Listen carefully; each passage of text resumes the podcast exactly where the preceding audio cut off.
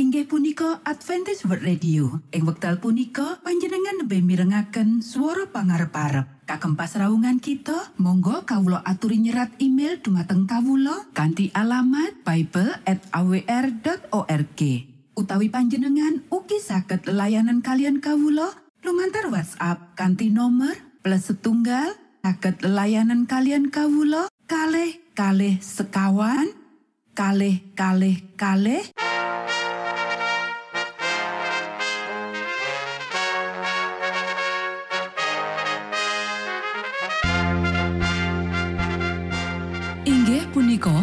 Adventist World Radio ingkang giaran kanti basa Jawi. Tentrem Rahayu kula aturaken kagem para mitra kinasih ing pundi papan lan panggonan. Sugeng pepanggian malih kalian Adventist World Radio. Kanti bingahing manah Kulo badhe sesarengan kalian para mitra kinasih lumantar saperangan adicara ingkang sampun rinonci mligi kagem panjenengan sami. Mugi giaran punika saged migunani tuen dados berkah kagem kita sedaya. Sugeng midhangetaken Gusti amberkahi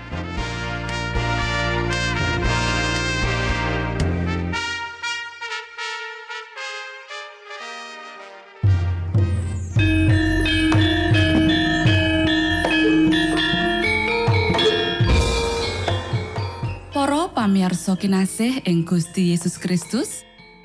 Ing wekdal punika kita badhe sesarengan ing adicara ruang kesehatan. Ingkang saestu migunani kagem panjenengan saha kita sami.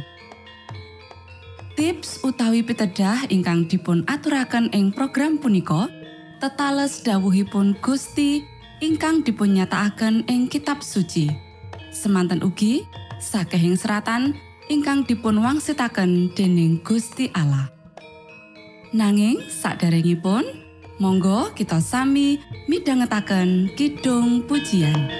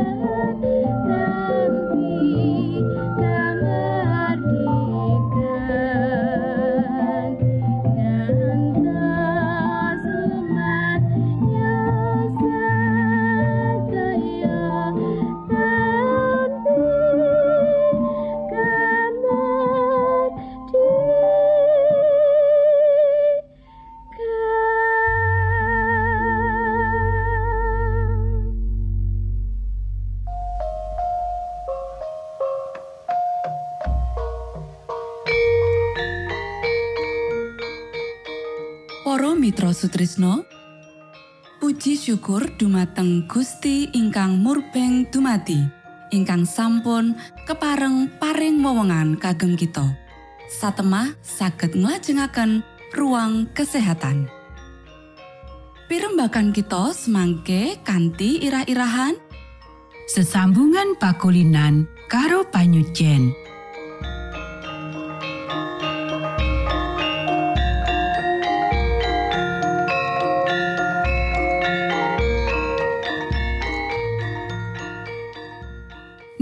Dumateng para pamiarsa ingkang dahat kinormatan sugeng pepanggian malih kalian kula Isti Kurnaidi ing adicara ruang kesehatan ing dinten punika kanthi irah-irahan sesambungan pakulinan karo panyucen Para sedherek ingkang kinasih mokal kanggo sapa wae kanggo ngrasakake berkah panyucen sawetara dheweke duwe sifat murka lan mentingake diri. Wong-wong kaya iki grundel ing sajroning momotan karingkihan amarga pakulinan-pakulinan salah sajroning bab mangan lan ngombe sing ita-ita angger-angger alam lan kesehatan. Akeh wong ngringkihake alat pencernaane kanthi pemanjaan selera sing salah. Kuoso manungsa iku ajaib amarga bisa nampik panyalahgunaane. Nanging pakulinan salah sing terus-terusan sakjroning bab mangan lan ngombe sing kakean banget iku bakal ngringkihake saben gunane badan. Mugia wong-wong ringkih kaya iki nyadari menawa dheweke urip tarak saipo elok kahanane sakjroning ningkatake kesehatan tutu nyalah gunakake. Para sedherek ingkang kinasih, sakjroning maremake selera lan nepsu sing salah, wong-wong sing ngaku Kristen wae nglempohake alam sakjroning pakaryane lan ngurangi kuasa fisik, mental lan moral. Saperangan sing nglakokake bab iki ngaku disucikake dening Gusti Allah, nanging pengakon kaya iku ora duweni landesan.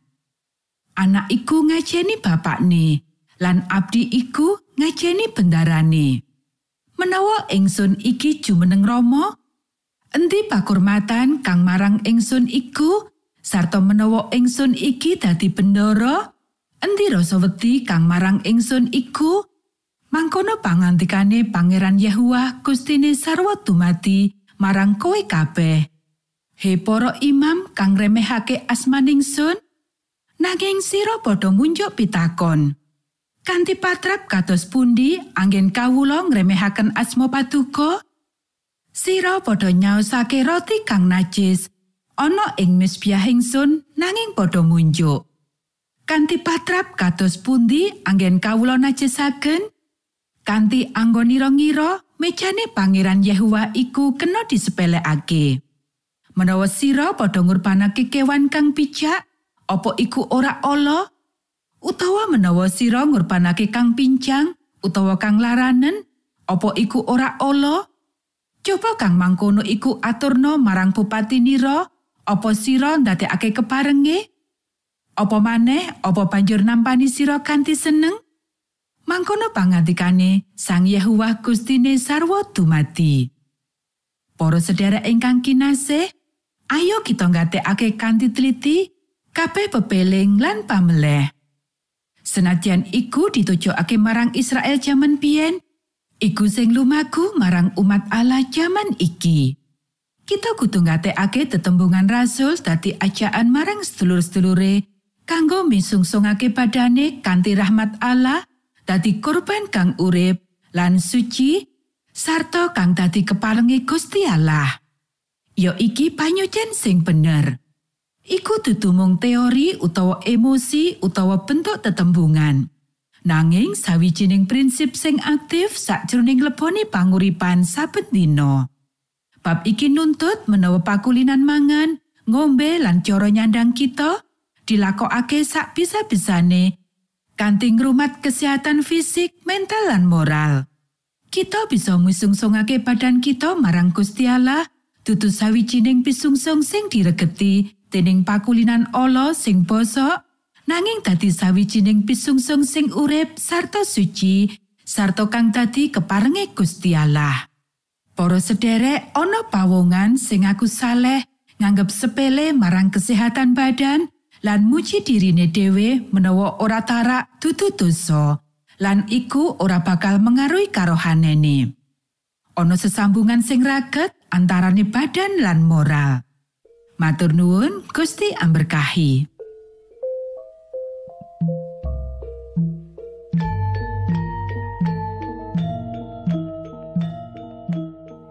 Cekap semanten pimbakan ruang kesehatan ing episode dinten punika. Ugi sampun kuatos jalaran kita badhe pinanggih malih ing episode sak lajengipun.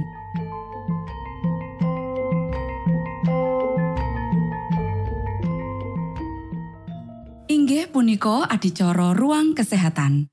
Menawi panjenengan gadah pitakenan utawi ngersakaken katrangan ingkang langkung, Monggo Kulo aturi. Kintun email dateng alamat ejcawr@ gmail.com utawi lumantar WhatsApp kanti nomor 025 pitu 00 songo songo papat 00 pitu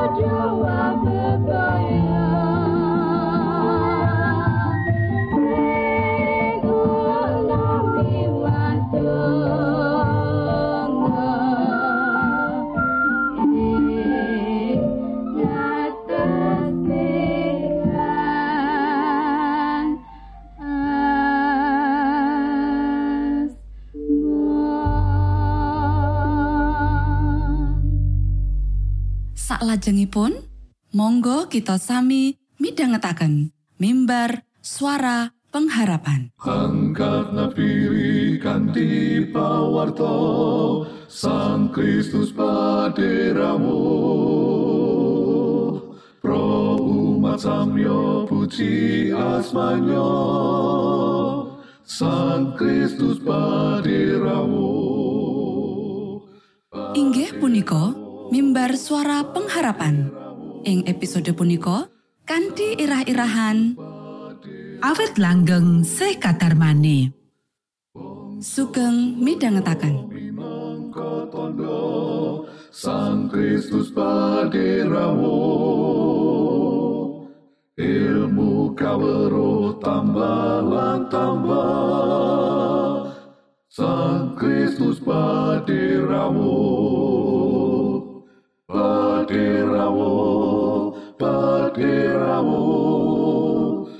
Sang Kristus paderamu Shalom para sedherek ingkang kinasih wonten ing Gusti. Sakmenika kita badhe mitangetaken renungan Sabda pangantikanipun Gusti. Ing dinten punika kanthi irah-irahan awet langgeng se kadarmane. Para sedherek ingkang kinasih, ayo diwaca kitab Sabur pasal 136 ayat siji nganti 15. Podho saoso puji marang Pangeran Yahua sabab panjenengane iku becik. Awit langgeng se kadarmane padha saosa puji marang alai para Allah awit langgeng se kadarmane padha saosa puji marang Gustine para Gusti awit langgeng se kadarmane marang panjenengane kang nindakake kaelokan gedhe piyambakan awit langgeng se kadarmane marang panjenengane kang nitahake langit kalawan kawicaksanan awit langgeng se kadarmane. Marang panjenengane kan yereng bumi kadasaran banyu, awit langgeng se kadarmane. Marang panjenengane kang nitahake barang-barang kang madangi kang gedhe ing langit, awit langgeng se kadarmane. Srengenge kang mengkuraino, awit langgeng se kadarmane. Sarta rembulan lan lintang-lintang kang mengku ing wayah bengi, awit langgeng se kadarmane. kang mejahi para pembarepe wong Mesir awit langgeng se kadarmane. Lan ngirit Israel metu saka ing satengahe awit langgeng se kadarmane. Sarana asta kang rusa lan kalawan ngayatake lengene awit langgeng se kadarmane. Segara tebrau dipiyak dadi loro awit langgeng se kadarmane. Lan nyabrangake Israel metu ing tengahe awit langgeng se kadarmane. Sang pringon sawadya balane dikelemake ana ing segara teberau awit langgeng se kadarmane.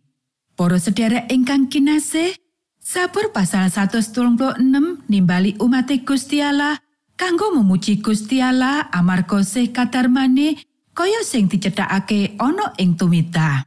Kita bisa maca ing kitab Sabur pasal 136 ayat papat nganti songo lan ing sejarah bangsa Israel.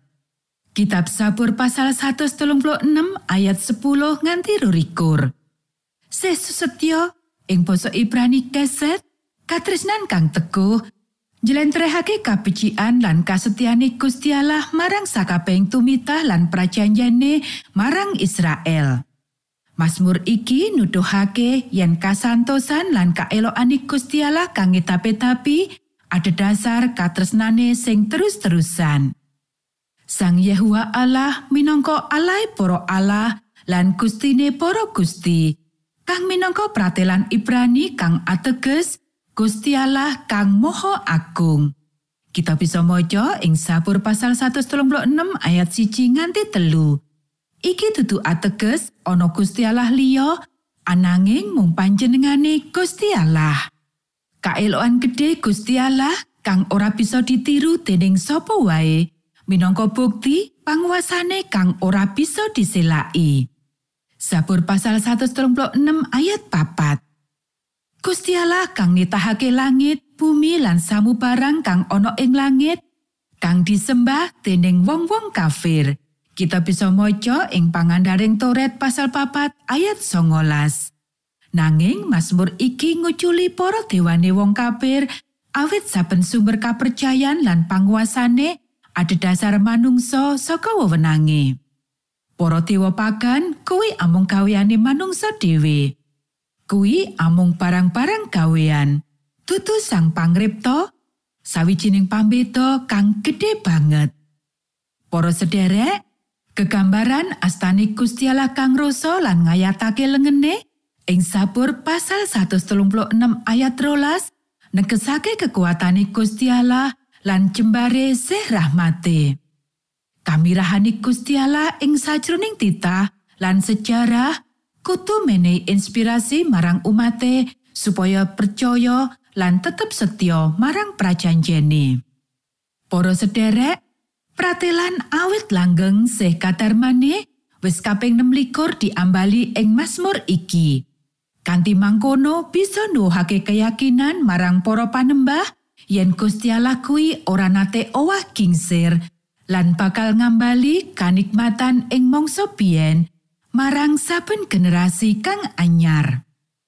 Gusti Allah tansah ngingeti para umate ing sabur pasal 136 ayat 13 lan tansah susetyo ing janji sih kadarmane. Kapercayan marang kamirahane Gusti Allah kang langgeng minangka inti saka iman Alkitabiah sing kalebu panembahan lan kapercayan sing nyenengake sarta pamituhu lan pamratobat. Para sederek, kitab Sabur pasal 136 katutup dening pangreksan universal Gusti Allah piyambak marang jagat iki. Sewelase Gusti Allah diparingake ora mung kanggo Israel nanging uga kanggo marang sakabehing titah. Mazmur iki kanthi mangkono ngendika bab universalitas peparing kawilujengan Gusti Allah lan jaluk supaya jagat kabeh melu memuji Gusti Allah. Lukas pasal loro ayat 10, Yohanan pasal telu ayat 16, lan lelakoni para rasul pasal 15 ayat pitulas. Matur nuwun, Gusti amberkahi.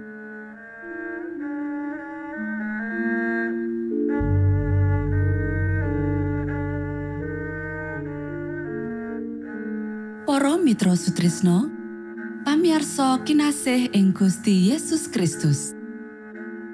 Sampun paripurno pasamuan kita ing dinten punika. Menawi panjenengan gadah pitakenan utawi ngersaakan seri pelajaran Alkitab suara nubuatan Monggo Kulo aturi kinton email dateng alamat ejcawr gmail.com utawi lumantar WhatsApp kanti nomor 025 pitu 00 songo songo papat 00 pitu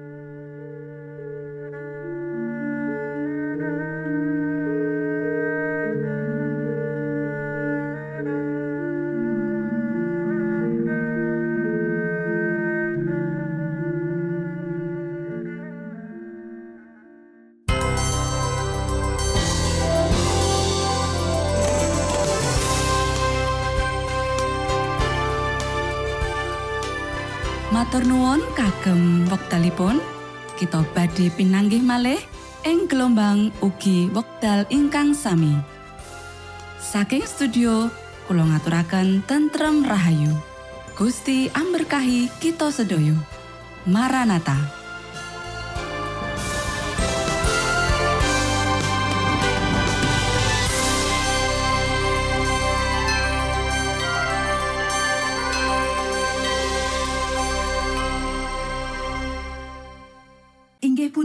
Adventist World Radio. Ing wekdal punika panjenengan lebih mirengaken swara pangarep-arep. Kagem pasraungan kita, monggo kawula aturi nyerat email dumateng kawula kanthi alamat bible@awr.org. Utawi panjenengan ugi saged layanan kalian kawula lumantar WhatsApp kanthi nomor plus setunggal saged layanan kalian kawula kalih kalih sekawan kalih kalih kalih